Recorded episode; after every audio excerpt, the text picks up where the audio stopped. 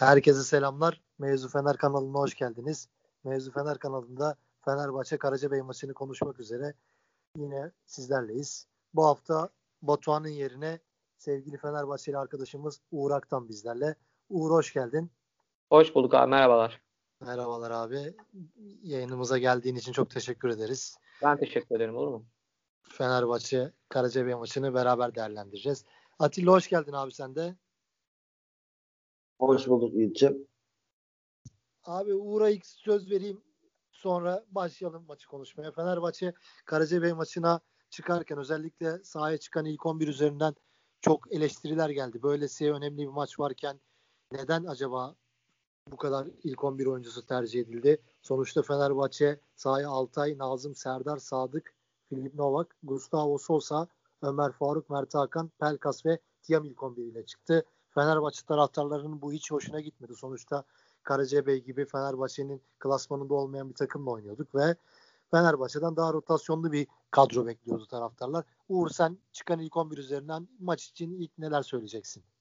Abi çıkan ilk 11 için e, söylenecek hani, e, aslında çok şey var. E, birazcık ilk 11'i okumak lazım. E, yani Altay zaten senin ilk 11 oyuncun. Serdar Aziz ilk 11 oyuncun. E, Sosa ile Mert Hakan ikisinin aynı anda oynamasını pek beklemiyorum Gaziantep maçında ama ikisinden birini oyna, oynatır diye düşünüyorum hoca. E, Pelkas ilk 11 oyuncun. Gustavo ilk 11 oyuncun. Yani 5 tane Gaziantep maçında oynatacağın ilk 11 oyuncusunu aldın sahaya sürdün. Burada ben birazcık e, sanki hani hocanın üstünde o aman bu maçı da kaybetmeyelim baskısı stresi olduğunu düşünüyorum. Zaten e, oyuna da yansıdı. Oyuncuların yüz ifadelerine de yansıdı. E, Emre Belezoğlu dün e, yaptığı açıklamada hocamızın arkasındayız mesajını verdi ama sanki yani o hani yönetimle hoca arasında işte veya sportif direktör kanalıyla hocaya o hani e, skorlara birazcık e, fut, oynanan futbola çeki düzen verelim, skorlara e, çeki düzen verelim mesajı iletilmiş gibi. Yoksa hani içeride oynadığım bir ikincilik takımına karşı e, bu kadar ilk 11 oyuncunu sahaya sürmek çok mantıklı değil. Hele hafta sonu Gaziantep zor bir deplasmana gideceksin sen. Dolayısıyla e, ben de hani sosyal medyadaki eleştirilere e, bu anlamda katılıyorum ama e, diğer taraftan tabii e, alınan skorlar son haftalarda çok iyi değil. Takım ilk defa kulüp tarihinde 3 maç üst üste kendi sahasında kaybetti. E şimdi bunun üstüne sen bir de içeride Karacabey'e elenirsen e, yani hiç hoş şeyler olmaz. E, dolayısıyla e, hani o baskıyı stresi de anlayabilmek mümkün bu açıdan bakıldığında ilk 11'i de hani çok da e, mantıksız da bulmuyorum ama e, tablo bu. Fenerbahçe şu anda e, ciddi bir e, baskı hissediyor gibi görünüyor. Ciddi bir stres altında gibi görünüyor. Zaten e, oyuncuların ifadeleri de birazcık bu yöndeydi. Hani ilk yarıda bir pozisyon oldu. Mert Hakan savunmaya kadar geldi. E, topu topun yani Karacabey Doncar'dan çıkmasına aracılık etti ve hani orada sinirinden topu aldı. Reklam panolarına vurdu biliyorsun Selçuk'u. Orada bir takım arkadaşlarına yani bir oyuncuya mı veya birkaç oyuncuya mı bilmiyorum. Orada bir tepkisi de oldu. Ee, bunun yanında hani hocanın ifadeleri, diğer oyuncuların ifadeleri hepsi hani pek e, rahat olmadıkları şeklinde okunabilir belki. E, yani yüz ifadeleri en azından bu şekildeydi. Zaten hani böyle bir ortamda rakip kim olursa olsun, ikinci lig takımda olsa, üçüncü lig takımda olsa bu kadar stresin baskının içinde çok iyi futbol oynamak mümkün değil. Bunun yanında bir de 10 kişi kaldığın zaman e, yani özellikle ilk yarının son bölümü yani bir 10 dakikalık 12-13 dakikalık bölüm e, ciddi bir kriz şeklinde geçti Fenerbahçe için. E, yani ilk yarı bittiğinde toplu oynama oranları zaten biliyorsun Fenerbahçe sezon başından beri öyle topa çok sahip olabilen bir takım değil. Ligde de 8. sırada bu konuda. E, hiç alışmadığımız bir şekilde. E, ilk yarı bittiğinde Karacabey'in toplu oynama oranı %51, Fenerbahçe'nin %49. Yani Fenerbahçe 10 kişi de olsa kendi sahasında bir ikinci lig takımına e, toplu oynamada geride kalıyorsa zaten hani bir problem vardır. Oyun anlamında da bir problem vardır. E, yani Fenerbahçe'de futbolcular şu anda benim görebildiğim kadarıyla çok ciddi bir baskı altında. E, gelen skorlardan dolayı. Yani ne kadar hani Emre Belezoğlu puan olsa da iyi şampiyonluğun en büyük adayı dese de yani ortada bir problem, bir e, sanki çözülmeyi bekleyen bir kriz var gibi görünüyor. E, tabii bunu da çözecek olan şey saha içi sonuçları. Özellikle Gaziantep maçı burada doğrudan belirleyici olacak. E, ama hani bu ortamda, bu baskının altında, bu stresin altında ben e, çok zor geçeceğini düşünüyorum o maçı. Atilla pas atarken şundan bahsetmek istiyorum. Açıkçası bugün sahaya çıkan ilk 11 Fenerbahçe taraftarları tarafından eleştirildi ama Fenerbahçe'nin dördüncü tur maçında Türkiye Kupası'nda 24 Kasım tarihinde Sivas Belediyespor maçına da aşağı yukarı benzer ilk 11 oyuncularıyla çıktığımızı biliyoruz biz. Yani o maçı izleyenler veya sonradan bakanlar bunu görmüştür. Atilla sen bunun üzerinden ne söylemek istersin? Yani Erol Hoca bugünkü ilk 11'i özel miydi yoksa Erol Hoca bu bu tarz kupa maçlarına bile hep belli ilk 11 oyuncularını kullanarak mı çıkacak? Ya şimdi burada bizim sezon başında geniş bir kadroya sahip olmamızın avantajı aslında biraz dezavantaja dönüştü. Yani Samat'ta, Valencia, e, ondan sonra Lemos'un sakatlıkları var. E, Tolga sakat. Yani bu oyuncular yokken hoca Caner ile Gökhan'ı da dinlendirmiş ve kadroya almamış. E, yani çok eksiğimiz vardı. Gençlere gitmemesini e, yani genç oyuncuları bir önceki kupa maçında da düşünmedi. Sadece Ömer Faruk Beyaz'ı düşündü. Ben çok eleştirmiyorum. Dediği gibi Uğur'un hoca da biraz baskı altında ve bir önceki maçta da kupa maçında da benzer tercihleri yapmıştı. Yani daha çok oyuncu değiştirerek e, daha fazla oyuncuya şans vermek istemişti. Kupa sezon başında biz kupayı hesaplarken aslında böyle düşünmüştük. Çünkü çok fazla oyuncu var. Hafta içi maçları, kupa maçları bu oyuncularda forma giyecek diye düşünmüştük. Bence planına göre devam ediyor ama sakatlıkların etkisiyle e, Antep maçında oynatacağı 5-6 oyuncuyu mecburen bu maçta kullandı. Daha fazla rotasyon yapabilirdi ama sakatlık etkiledi diye düşünüyorum. Ama ilk kupa maçında da bu kupa maçında da özellikle Harun sakatken Altay'ı e, kullanması biraz eleştiri konusuydu. O maçta bir şey olmadı ama bu maçta oldu işte. İşte yani bir kırmızı kart gördü Altay ve en önemli deplasman maçımızda genç bir kaleciye kalabiliriz. Ben büyük ihtimalle Harun'un oynayacağını düşünüyorum. Maskede, maskeyle de olsa büyük ihtimalle kalede Harun olacaktı ama Harun yetişemeyebilir. Yani hazır olmayabilir. Yani böyle bir şeye girmeye gerek yok. Yani sadece 10 oyuncu için bir şey demiyorum ama kalede genç bir yani genç de değil yani sadece tecrübesiz bir kaleciye oyunu bırakabilirdi yani hoca. Evet genç demeyelim çünkü biri 16 Ocak 1998 doğumlu 6 ayda 14 Nisan 1998 doğumlu. Yani aralarında birkaç ay var zaten. İkisi de yani neredeyse yaşıtlar. Uğur sana pas atar. Ama Altay, Altay Süper Lig kalecisiydi yani Fenerbahçe'ye gelmeden önce de Süper Lig kalecisiydi. Evet, evet. Sadece tecrübe farkı var. Evet. Abi bu noktada ben şunu sorayım size. Ee, hani üçüncü kalecinin e, bu kadar genç biri olması e, çok doğru geliyor mu size? Mesela bence üçüncü kaleci 35-36 yaşında yaşını başına almış biri olsa daha iyi olur. Oytun da mesela gönder bir ikincilik, üçüncülük takımına. Orada oynasın mesela. Daha doğru bir planlama olmaz mı? Ben, ben sana kesinlikle katılıyorum. Yani bir tane oraya yani senin dediğin gibi 35 olmasa bile yani bir 30 yaş üstünde bir kaleci bulunabilir yani bulunsa daha iyi olur. Sonuçta Oytun yani kendi de bunu tercih etmemesi lazım aslında. Sonuçta Fenerbahçe'de ne kadar oynayacağı belli. Gidip kendini geliştirmesi lazım diye düşünüyorum ben ama işte tabii Fenerbahçe isterse bir oyuncuyu orada yedek bile kalmak o futbolcular için herhalde çok büyük bir şey. Yani olabilir evet. Atilla sen ne diyeceksin? Atilla bir şey demiyor. Neyse abi sana dur dur. Siz konuşurken ben mikrofonu kapatıyorum ya hastayım biraz öksürük sesim gelmesin diye. Şimdi duyuyorsunuz değil mi beni? Evet abi duyuyoruz. Duyuyoruz abi. abi. Orada şey oldu. Biz Harun'u aldık. Ee, Harun'u yani kaleye transfer ettik. Ondan sonra Altay'ı transfer ettik. Orada e, bir de genç kaleci Erçe miydi adını unuttum ben. Erten. Genç, Erten. Erten, ee, Erten Ersu. Hayır hayır. E, şu an kiralıkta olan oyuncumuz. Berker. Berke Berke. Ha, Berke'yi de transfer ettik. Oradan Berke Aynen. Berke şu an dışarıya kiralanan ve gelecekteki Fenerbahçe kalecisi aday olarak gözüküyor. Harun o bizim bahsettiğimiz yaşını başına almış kaleci oldu. E, Altay'da genç kaleci. Yani aslında kaledeki planlama üst üste yanlışlardan başladı ama doğruya doğru gitti bence. Yani planlama başta yanlıştı. Yani sizin dediğiniz şey öyle olması bence de doğru. Yani ya mesela Volkan, üçüncü kaleci. Volkan aynen Volkan. Üçüncü kaleci olarak mesela e, hani belki olabilirdi yani. Ama işte Harun Harun o oldu. Yani yaşı öyle değil ama aslında Harun bir anda o role şey yapıldı yani. Fırsat transferleriyle falan. Yani aslında baştan kötü planlanmış bir kalecisi ama Fenerbahçe o fırsatları kaçırmak istemedi. Yani Altay ve diğer kaleci transferlerini kaçırmak istemedi. İleride para kazanabileceği oyuncular.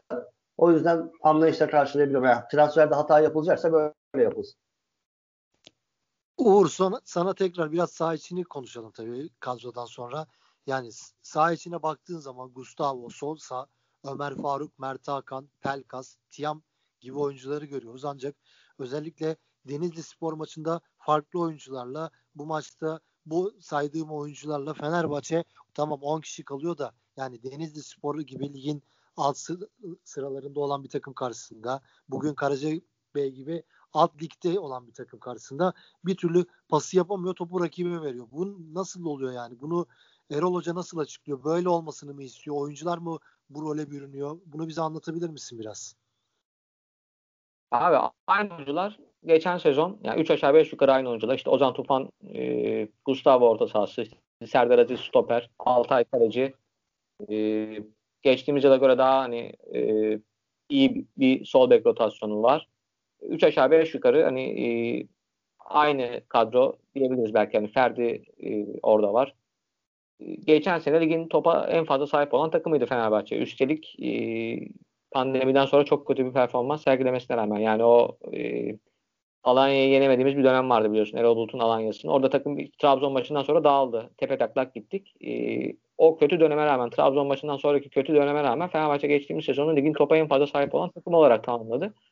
E, şimdi aşağı yukarı e, kadronun birçok oyuncusu özellikle merkez rotasyonu işte Ozan Tufan'ı, Gustavo'su aynı iken e, şu anda ligin 8. sırasına düşüyorsan sen topa sahip olma oranında bu bir e, anlayış değişikliğiyle açıklanabilir ancak. Zaten hani Erol Hoca'nın geçtiğimiz yıl Alanya'da çalışırken yaptığı açıklama malum ben hafta içi bunu hani tweet de atmıştım. İzleme fırsatınız olduğunu bilmiyorum. E, işte hocaya soruyorlar oyun anlayışınızı bir anlatır mısınız bize diye. Yani ben diyor stoperlerimin kendi arasında pas yapmasını istemiyorum. 300 tane pas yapmanın bana ne faydası var? Ben topu 3. bölgeye götüreyim.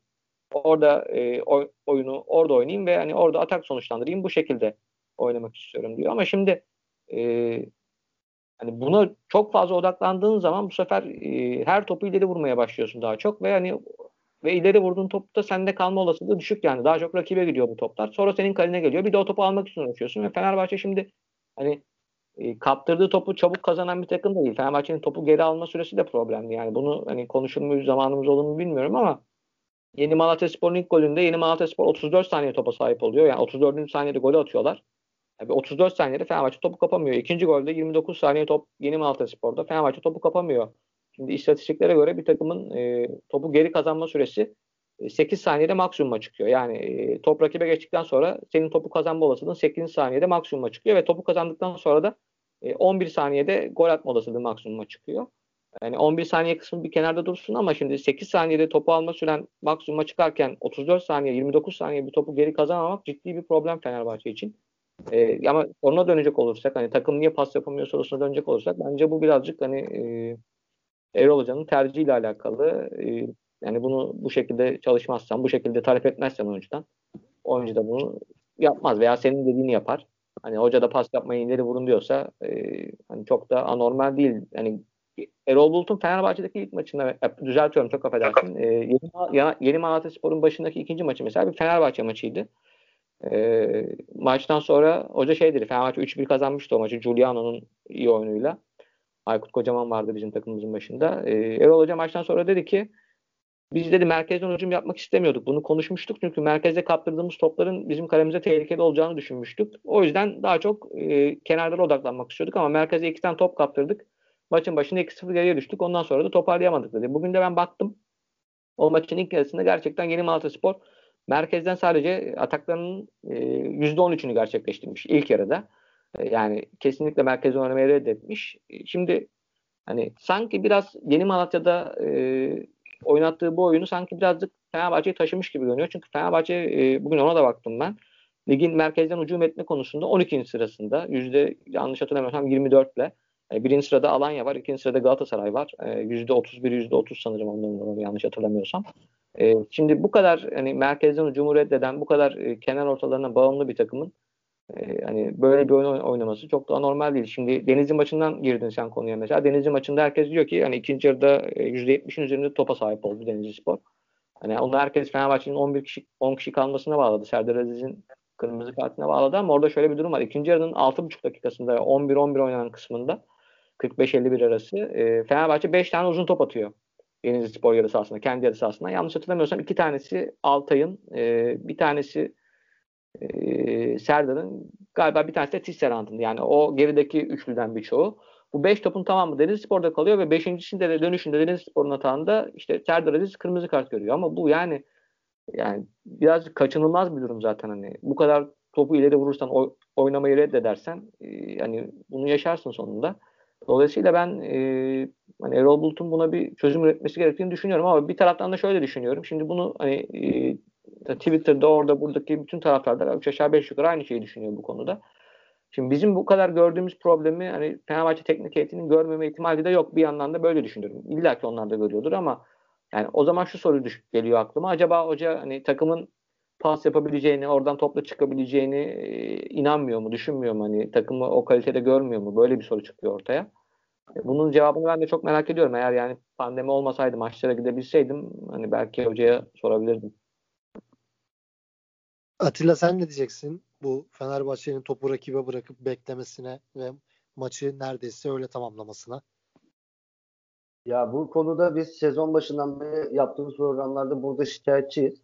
Uğur da çok güzel anlattı verilerini.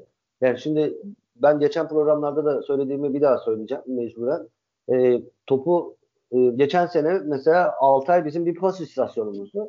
Bu sene istikrarlı olarak Altay hiç kullanmadığını gördük hocam. E, savunmadan çıkarken çok bariz yani anlık pozisyonlarda görüyordum. E, Gustavo'nun sola geçerek üçüncü stoper olması geriden topu çıkartırken.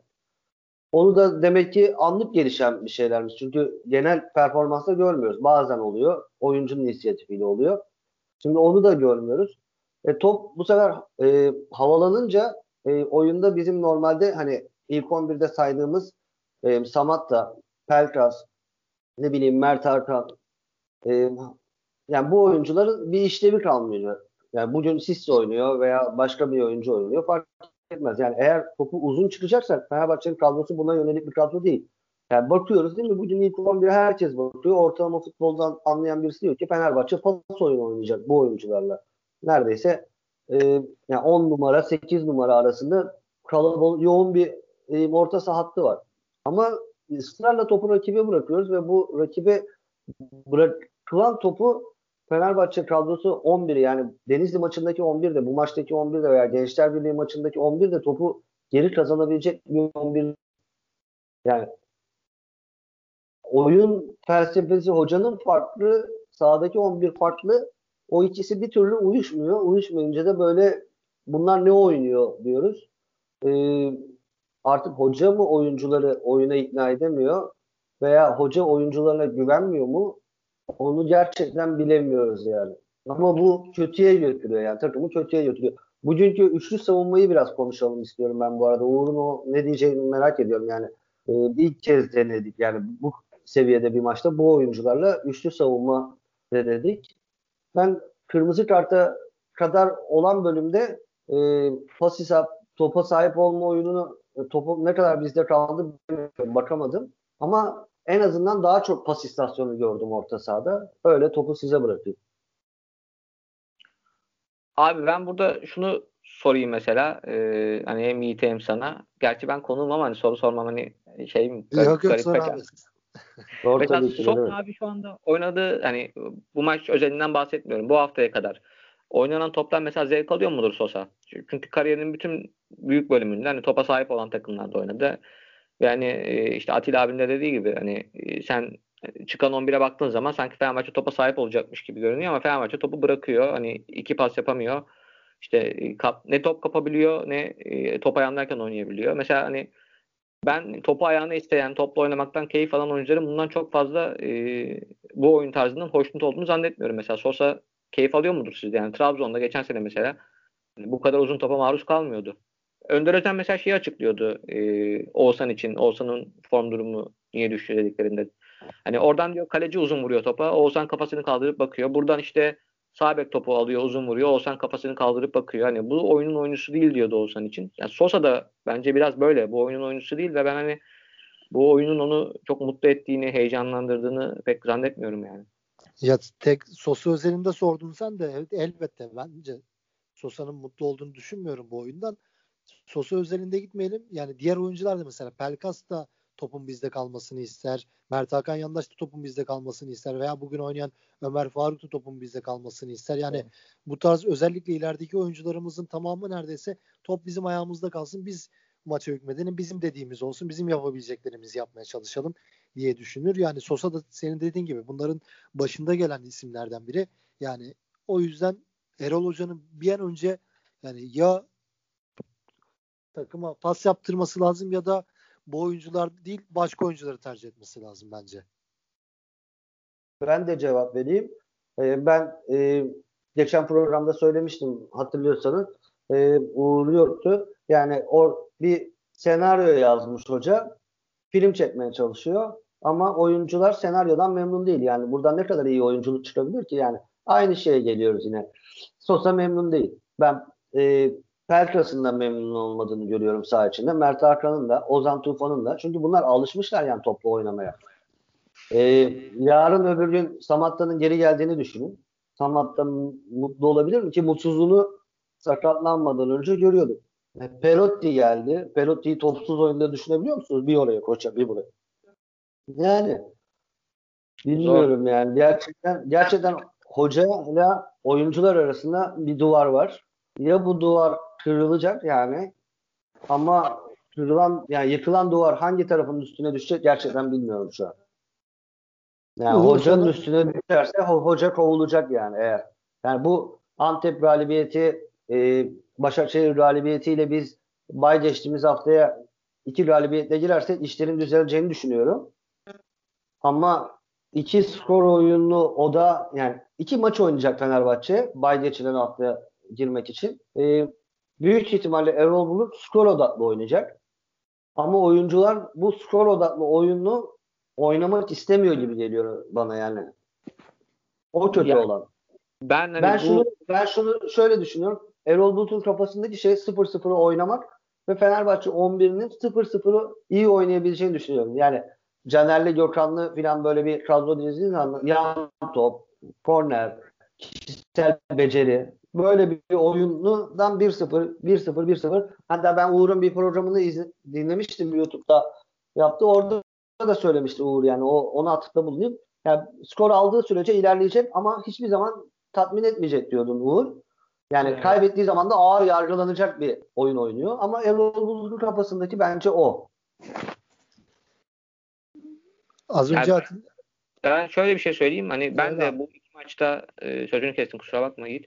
Yok yok ee, abi estağfurullah. Bu iki maçta ben de Fenerbahçe'nin skor odaklı oynayacağını düşünüyorum ama e, şimdi bugün Karacabey maçında gördüğümüz o stres e, bu iki maça yansırsa e, hani o skorun da gelmesi çok kolay değil yani. O baskının bir, bir kere bertaraf edilmesi gerekiyor. E, eğer hafta sonuna yansırsa bu Antep maçına yansırsa e, Fenerbahçe orada çok zor bir 90 dakika oynar. Kolay olmaz yani. Sana bir daha pas atarken Atilla'nın az önce söylediğini de konuşalım diyorum. Yani A- A- Antep Lig'in üçlü savunma oynayan sanırım tek takımı evet. biliyorum. Zaman zaman yani, Konya'da son haftalarda oynamaya başladı. Erzurum'da bir deniyor son haftalarda. İşte Fenerbahçe hafta sonu Antep'le oynayacak. Bugün de Atilla'nın dediği gibi Fenerbahçe üçlü savunmayla çıktı. Yani bu Antep maçında bizim göreceğimiz bir taktik mi acaba? Sen ne diyorsun bu üçlü savunma nasıl oynadık ve Antep maçında bunu görebilir miyiz? Yani Karacabey maçı tabii ki bunun için çok ölçü bir maç değil ama e, sezon başında hazırlık maçlarında da zaman zaman Fenerbahçe bunu deniyordu. Henüz ligde denemedi ama hazırlık maçlarında bunu oynadığını görmüştük takımın. Gerek milli maç arasındaki maçlarda olsun gerek e, sezon öncesi özel maçlarda olsun. E, yani ben Malatya maçından sonra yeni Malatya maçından sonra düşündüm hani hani acaba üçlü savunmayla takım daha iyi oynar mı diye kafamda bir tarttım. Kadroda yapmaya çalıştım ama açıkçası Erol Bulut'tan böyle bir değişiklik beklemiyordum. Çünkü hani e, dörtlü oynarken bile e, oyununu çok fazla değiştirmeyen bir hocanın böyle bir anda radikal bir değişiklik yapıp üçlüye dönmesi e, çok beklediğim bir durum değildi. E, birazcık da şaşırdım ama e, olur mu dener mi? Hani işler bu kadar kötü gidiyorken deneyebilir. Ya Erol Hoca hala arıyor yani bir şeydir. Acaba hani onu böyle mi yapsak, bunu böyle mi yapsak? Burada asıl benim dikkatimi çeken nokta şu. Ligin artık 12. haftasındayız. Yani 34 haftalık bir fikstürde neredeyse ligin ilk yarısını bitirmiş olacağız. Ligin boyu uzadı diye yani birazcık daha ligin başındayız e, konuşmaları dönüyor ama esasında 12 hafta çok ciddi bir süre. Ligin 12. haftasında hala üçlü mü oynasak, dörtlü mü oynasak hani e, bu konuda bir belirsizlik olması kafasında bence iyi bir durum değil. E, bir de şimdi üçlü savunma da Fenerbahçe de Fenerbahçe tarihinde son dönemlerde çok hani hayra alamet şeyleri beraberinde getirmiyor. Koku kovulduğu Ankara gücü maçında biliyorsun üçlü savunma denemişti. E, ve Vitor Pereira Monaco'da e, Monaco eşleşmesinde üçlü savunma denemişti. Ya ben Fenerbahçe'nin bu takımının üçlü savunma oynayabileceğini düşünüyorum ve hani e, daha da iyi en azından e, hani sezonun bu kısmına kadar olan kısımda sergilenen futboldan daha iyi futbol ortaya çıkartabileceğini düşünüyorum. Çünkü hani Atilla abinin de dediği gibi Fenerbahçe'nin oynadığı oyun skor gelmediği zaman hiç çekilmeyen hiç çekilmeyecek bir oyun. Hani insanlar bu ne bu nasıl futbol seviyesinde eleştirecekler Fenerbahçe skor gelmediğinde. Öyle de oluyor zaten skor alamadığında. Hani üçlü savunma ne kadar daha kötü olabilir ki bir oyundan diye bir insan kafasını tartıyor ister istemez. E, buna da uygun bir kadrosu var bence Fenerbahçe'nin. Yani soldan mesela solak stoperi yok Fenerbahçe mesela. Tisserant da Serdar da sağ ayaklı oyuncular. Mesela soldan Gustavo'yu düşürebilirsin sol ayaklı olduğu için. Orada oraya öyle bir çıkış bulabilirsin. E, Sosa Ozan orta sahası yapabilirsin. Mert'i ortaya atabilirsin ve bir anda şimdi e, bu dört oyuncuyu birden oynatabilirsin. Ben birazcık da hani üçlü savunma tarafında hocanın e, bunu da düşündüğünü, gözettiğini düşünüyorum. Hani sanki hoca bu oyuncuları böyle bir arada oynatmanın bir yolunu arıyor gibi ama bir türlü bulamıyor onu gibi. Çünkü sürekli bu denklemde birisi dışarı çıkıyor. Yani Ozan mı, Sosa mı, Gustavo mu dediğin zaman. Ee, ve hani orada da bir kararsızlık var sanki işte. Sosa ile başlamıyor, devre arasında Sosa'ya oyun oluyor. Bugün Sosa ile başlıyor, devre arasında Sosa'yı çıkartıyor. Ee, sanki hoca böyle bu oyuncuları bir arada oynatmak için bir formül arıyor gibi. Hani o formülden biri de hani üçlü savunma olabilir. Ee, benim kafamda mesela Ozan'ı sağ bekte olur mu acaba diye düşün, düşüncesi vardı. Ozan sağ bek oynar mı diye. Nazım sakatken özellikle. Bir ara Gökhan da sakatlanmıştı biliyorsun. O dönem düşünmüştüm. Hoca tercih etmedi. Bundan sonra Nazım da sağlıklıyken hani böyle bir düşünceye kapılacağını da düşünmüyorum ama hani üçlü savunma en azından e, belki eldeki oyuncuların performansını daha yukarıya taşıma açısından verimli olabilir evet. Atilla sen bir şey söyleyecek misin yoksa devam edelim mi Uğur'la?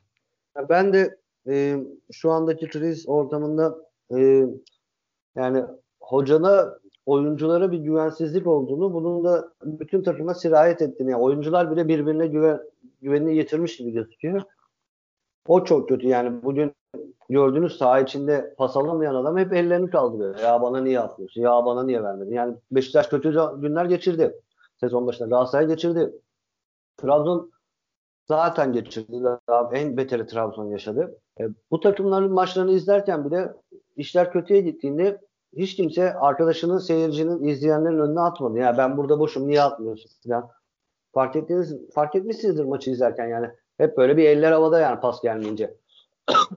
o yüzden e, oyuncuların oynanan oyundan memnun olmadığını eğer üçlü savunmaya geçip de pas oyunu yani önemli olan burada topu yani Fenerbahçe'nin topu alması gerektiğini düşünüyor bence oyuncular. Kesin odalarında filan baş başa kaldıklarında da bunu düşük konuşuyorlar.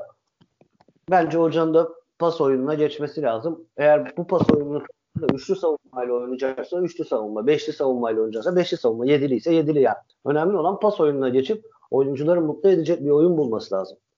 Oyuncular mutlu olmadığı zaman futbolda skor alamazsın yani. Aynen. Peki buradan Uğur'a pas atarken senin bıraktığın yerden başladım. Yani oyuncuları ben, mutlu etmek efendim. Ben şununla ilgili bir şey söyleyeyim. Hani e, hani Erol Bulut'la ilgili e, ya Erol Bulut'un açıklamaları maç sonu açıklamalarını da dinlediğimiz zaman sanki biraz o da e, suçu biraz oyunculara atıyor gibi geliyor bana. Hani bir oyun sistemimiz var ama ne kadarını yansıtabiliyoruz belli değil. Veya işte hani e, maçı beraber kaybettik. Yani sanki hani e, tamam ben de buradayım ama oyuncuların hiç mi suçu yok der gibi sanki böyle açıklamaları. O yönde gibi geliyor bana bilmiyorum. Sadece bana mı öyle geliyor?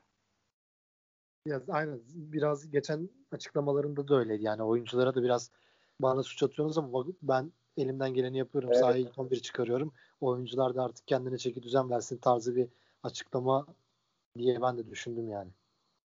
Peki şimdi tabii, tabii. hafta sonu Antep'le oynayacağız. Uğur özellikle sen bu maçtan ne bekliyorsun? Yani Erol Bulut yani kötü oyunda olsa galibiyet için mi çıkacak yoksa artık taraftarlar iyi oyunda galibiyet istiyor. Böyle mi düşünecek? Yani ne düşünüyorsun sen maçla ilgili? Abi Antep Fenerbahçe'ye ters gelebilecek bir takım.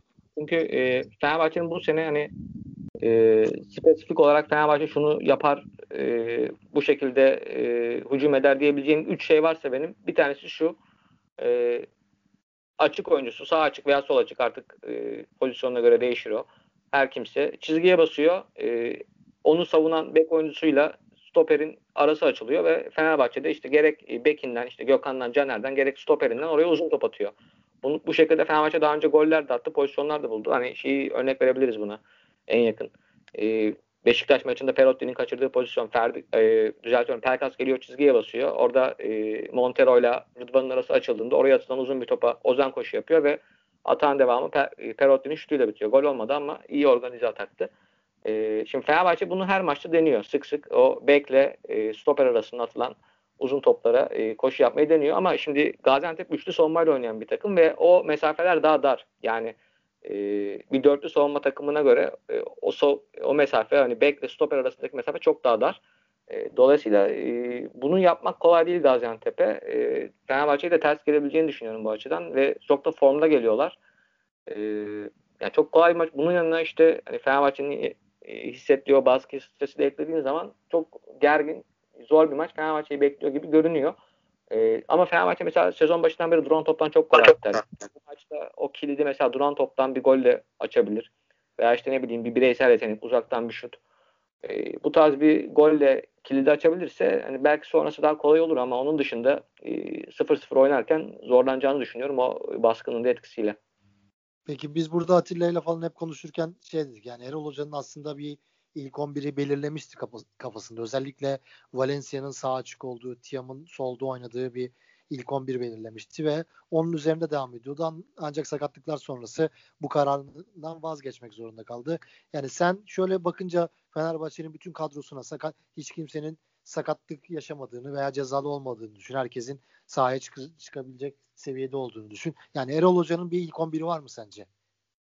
Zannetmiyorum abi. Çünkü e, en son basınla buluştuğunda da mesela ilk 11 kafamda şekillendirdim dedi. Bunu dediğinde 12. hafta maçlarına hazırlanıyordu takım. Yani bir kere zaten bunu 12. haftada belirliyorsan hani kafandaki kadroyu aşağı yukarı 12. haftada ben belirledim diyorsan ortada zaten bir problem vardır. Ee, ama bunda birazcık e, Fenerbahçe'nin kurduğu kadronun da etkili olduğunu düşünüyorum ben. Yani sen Caner'i alıyorsun. Ligin e, en çok orta yapan bek oyuncusu. Erol Bulut'u getiriyorsun. Ligin en çok orta yapan teknik direktörü. E, Novak'ı getiriyorsun. Ligin en az orta yapan oyuncusu mesela. Yani birbirinden tamamen taban tabana zıt oyuncular. E, ama ikisi de çok kaliteli oyuncu. Yani Novak geçen sene skora çok ciddi katkı verdi. E, ve bugün ilk 11 oynasa kimse neden Novak oynuyor, Caner oynamıyor belki demez yani. Tamam Caner'in hani hücuma yaptığı ekstra bir katkı var ama onun dışında Novak da çok kaliteli oyuncu. E, bunun yanında e, Serdar Aziz Tisserant var. E, ama sezon başında mesela Lemos'la başlıyordu. Sanki Serdar Aziz orada hocanın kafasında Lemos vardı da hoca e, Lemos'un kötü performansından sonra Serdar'a döndü gibi mesela. Hani orada da mesela Tisserant tamam ilk 11 oyuncum benim ama yanına kim oynatacağım o da belli değildi mesela sezon başında. E, yapılan transferlerden, kadro tercihlerinden dolayı. Bence hala hala da belli olduğunu çok düşünmüyorum yani. Derbide sen e, haftalardır oynayan Serdar Aziz'i kesip Lemos'u tercih ediyorsan ee, yani öyle Serdar Aziz'e o kadar da çok güvenmiyorsun gibi algılıyorum ben sanki bunu. E, sol kanada bakıyorsun abi. Pelkas'ı transfer ediyorsun. E, Tiam'ı almışsın. Geçen sene çok ciddi bir skor katkısı var ve hani e, bu kadroya e, çilek kıvamında bir Perotti transferi yapıyorsun. Perotti sağlıklı olsa herhalde herkesin ilk 11'e yazacağı bir oyuncu. E, Erol Bulut yazar mı yazmaz mı onu tam kestiremiyorum neticede. Hani e, Tiam mesela çok farklı oyuncular. Tiam daha fiziksel gücü yüksek savunma direnci, savunmaya yardımı, beke desteği daha yüksek bir oyuncu. Mesela Perotti öyle bir oyuncu değil. Yani Fenerbahçe'nin aynı mevkiye yaptığı farklı profillerdeki transferler bence birazcık soru işareti oluşturuyor burada. Ee, yani onun planlaması nasıl yapıldı onu çok kestiremiyorum. Ama e, mesela Sosa e, takımın oynadığı bu oyuna çok e, uygun bir oyuncu değildi. Az önce de konuştuk zaten hani bu oyun Sosa'yı mutlu eder mi etmez mi diye. Yani bunu oynayacaksa Erol Bulut e, ben topu e, bir an önce 3. bölgeye geçireyim hiç geride pasla uğraşmayayım veya işte sonradan top çıkartmaya uğraşmayayım bunu gereksiz buluyorum diyorsa mesela Sosa'yı niye aldı Fenerbahçe? Böyle bir soru geliyor benim aklıma. Ee, ya bu biraz ben hep aynı örneği veriyorum hani biraz kendimi tekrarlamış gibi oluyor ama gene aynısını söyleyeyim. Ee, yani senin bir telefonun var. Bu telefondan hiç daha iki sene kullanmışsın, hiç video çekmemişsin. 4K te- e, video çeken yeni bir telefon çıkıyor piyasaya. Ben 4K çeken e, 4K video çeken telefon alacağım deyip telefoncuya koşuyorsun. Ya sen telefonla video çekmeyen adamsın. Ne ihtiyacın var yani? E şimdi sen hani senin benim pasta işim yok. Ben direkt oyunu 3. bölgeye yıkıp orada oynayacağım diyorsan e senin sosyalde bir işin yok. Sen niye aldın ki bu adamı o zaman yani? yani anlatabildiğimi düşünüyorum ne demek istediğim burada. Evet evet. Ee, dolayısıyla ben birazcık e, her ne kadar Fenerbahçe kadrosu çok kaliteli kadro dense de evet çok kaliteli bir kadro ama planlama açısından e, çok doğru bir kadro mu o, o konuda soru işaretlerim var benim. Bence Erol Bulut'un da e, bu konuda hani soru işaretleri vardır. Hani böyle bir kadro kuruluyorsa çünkü. Mesela hani Adem'i alıyorsun. Hani e, mesela giden Frey'den daha mı iyi Adem'i veya neyi daha iyi yapıyor ona oranla. E, yani bilmiyorum soru işaretleriyle dolu. Aynen. Atilla sen ne diyeceksin Antep maçı ile ilgili?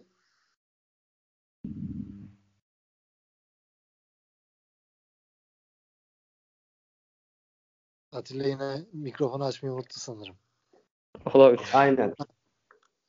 Açtım şimdi merak etmeyin. Ee, Uğur'un dediklerine bir ek yapmak istiyorum. Ee, sportif direktör em, Emre Belezoğlu olduğunda ne demişti? Hep Emre'den oyuncu olduğunda da bunu söyledi. Yani futbol iyi oyuncularla oynadı. Yani futbol iyi oyuncularla oynanır. Tamam. İyi oyuncular nasıl oynar? Topu ayaklarında isteyerek yani topu tutarak oynar. Yani pas kalitesi yüksek oyuncular, iyi oyuncular dediğinden ben onu çıkartıyorum.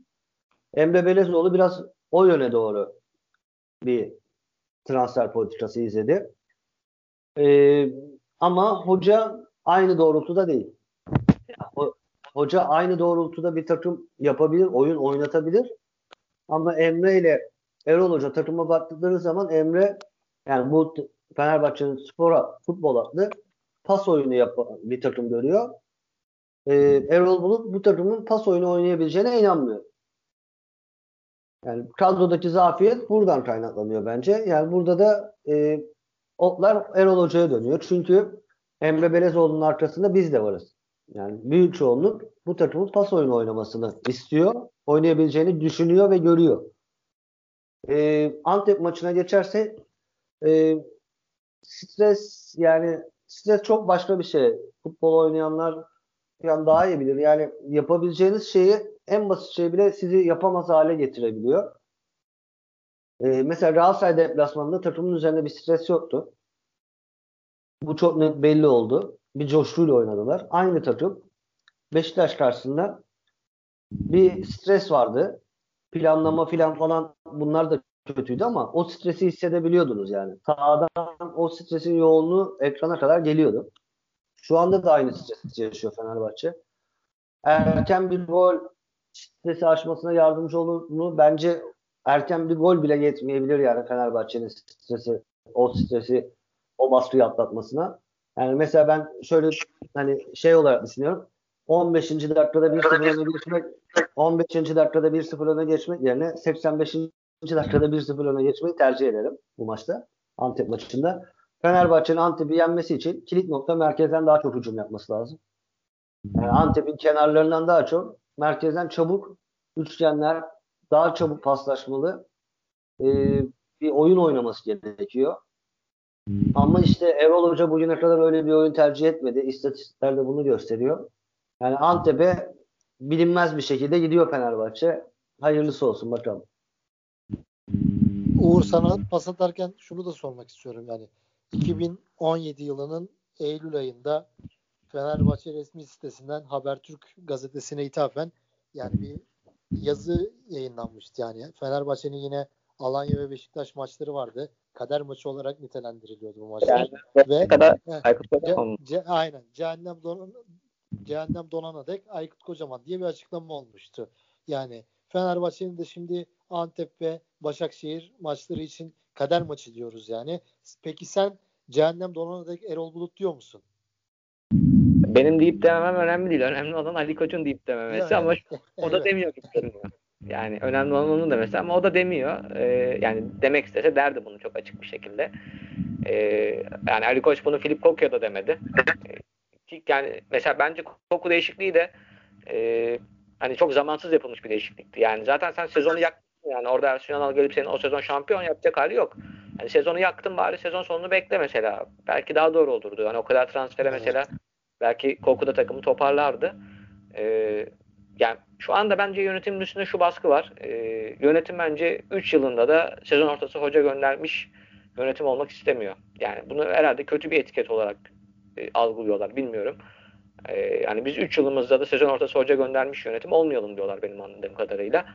E, ama ben dediğim gibi bugün de hani e, Karacabey maçında da hem hocanın yüz ifadesi hem hocanın o kenardaki yani bir dakika bile yerine oturmayan ifa, e, davranışları, pozisyonları hem de takımın o yüz ifadesinden birazcık o çıkarımı yapıyorum. Sanki Fenerbahçe bu iki maçta istediği sonuçları alamazsa e, sanki birazcık hani Erol Bulut'la e, yol ayrımı ufukta göz, gözüküyor gibi hissediyorum en azından. E, şimdi bunu ben hissediyorsam muhtemelen hani e, Erol Hoca falan da hissediyordur veya belki de çıtlatmışlardır. Yani hoca bu iki maç kritik gibi bir mesaj gönderilmiştir hocaya.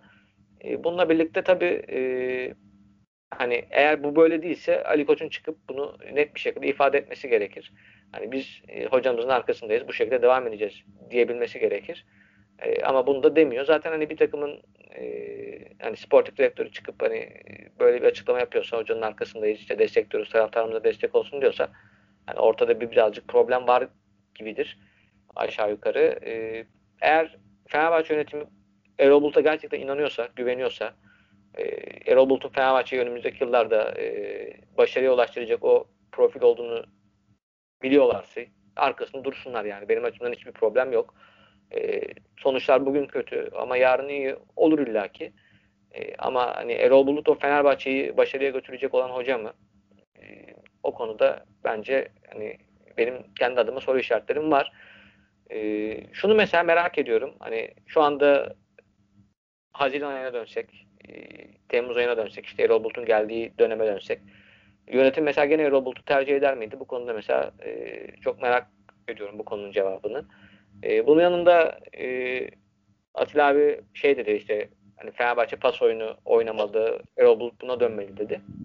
Şimdi Erol Bulut'a buradan şöyle bir çıkış belki bulabiliriz. Erol Bulut hani ne Yeni Malatya Spor'da bunu oynattı ne Alanya Spor'da bunu oynattı. Ve daha önce e, bir hani pas oyunu oynatmışlığı da yok kendisinin.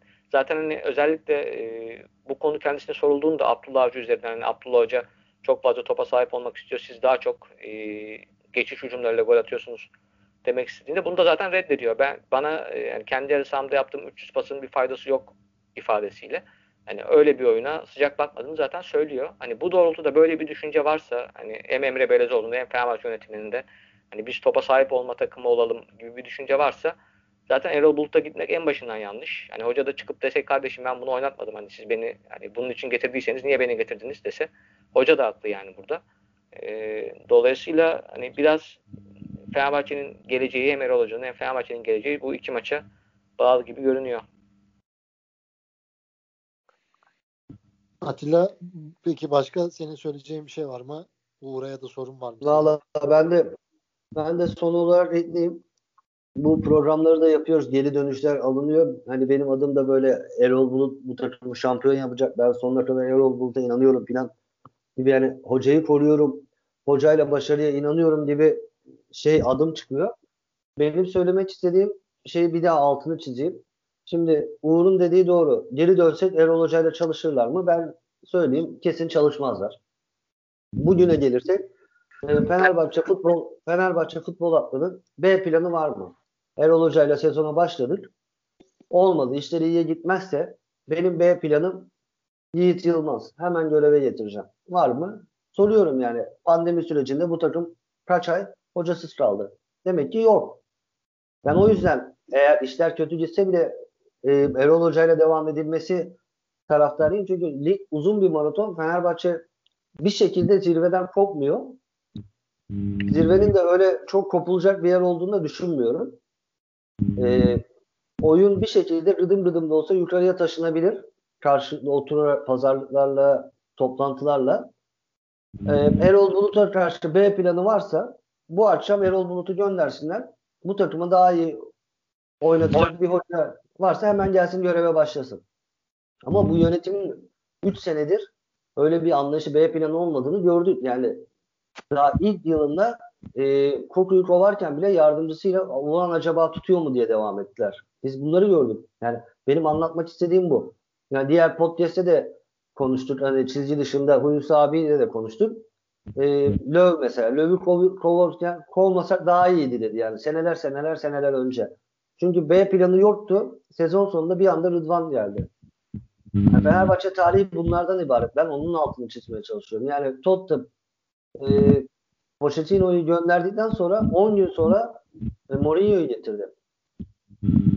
Fenerbahçe futbol aklının ben o esnekliğe sahip olduğunu düşünmüyorum. İnşallah hocası o esnekliğe sahiptir de yani kendi oyunundan vazgeçip şu an takımı ileriye taşıyacak, o takıma daha uygun oyunu tercih etmeli. Hocalık budur yani. Benim sevdiğim tarz hocalık budur. Mourinho gibi gerekirse otobüs çekeceksin. Gerekirse otobüsü rakip kaleye çekeceksin. Bazen Aykut Kocaman gibi oynayacaksın. Bazen Erol Bulut gibi geçiş oynayacaksın. Yani bu takım bu takım bence Aykut Kocaman'ın oyununa daha yakın. Abdullah Avcı'nın oyununa daha yakın. Öyle Erol Bulut'un takımı olması için belki üzerinden bir sene, bir buçuk sene geçmesi lazım. Ama Erol Hoca daha bir iki seneden şampiyonluğu yedi senedir bekleyen bir camiaya bu kadar da kaliteli oyuncularla pas oyunu oynama şansı varken reddederse mesela Koku'nun öyle bir şansı yoktu. Değil mi? O oyunu oynayabilecek oyuncuları yoktu. Koku bugün Fenerbahçe'nin bu kadrosunu Koku'ya verseydi ben eminim daha başarılı bir giriş yapardık olan. Yani puan olarak belki aynı şey 2 puan 3 puan geride olurdu ama daha gelecek vadeden bir oyun oynardık.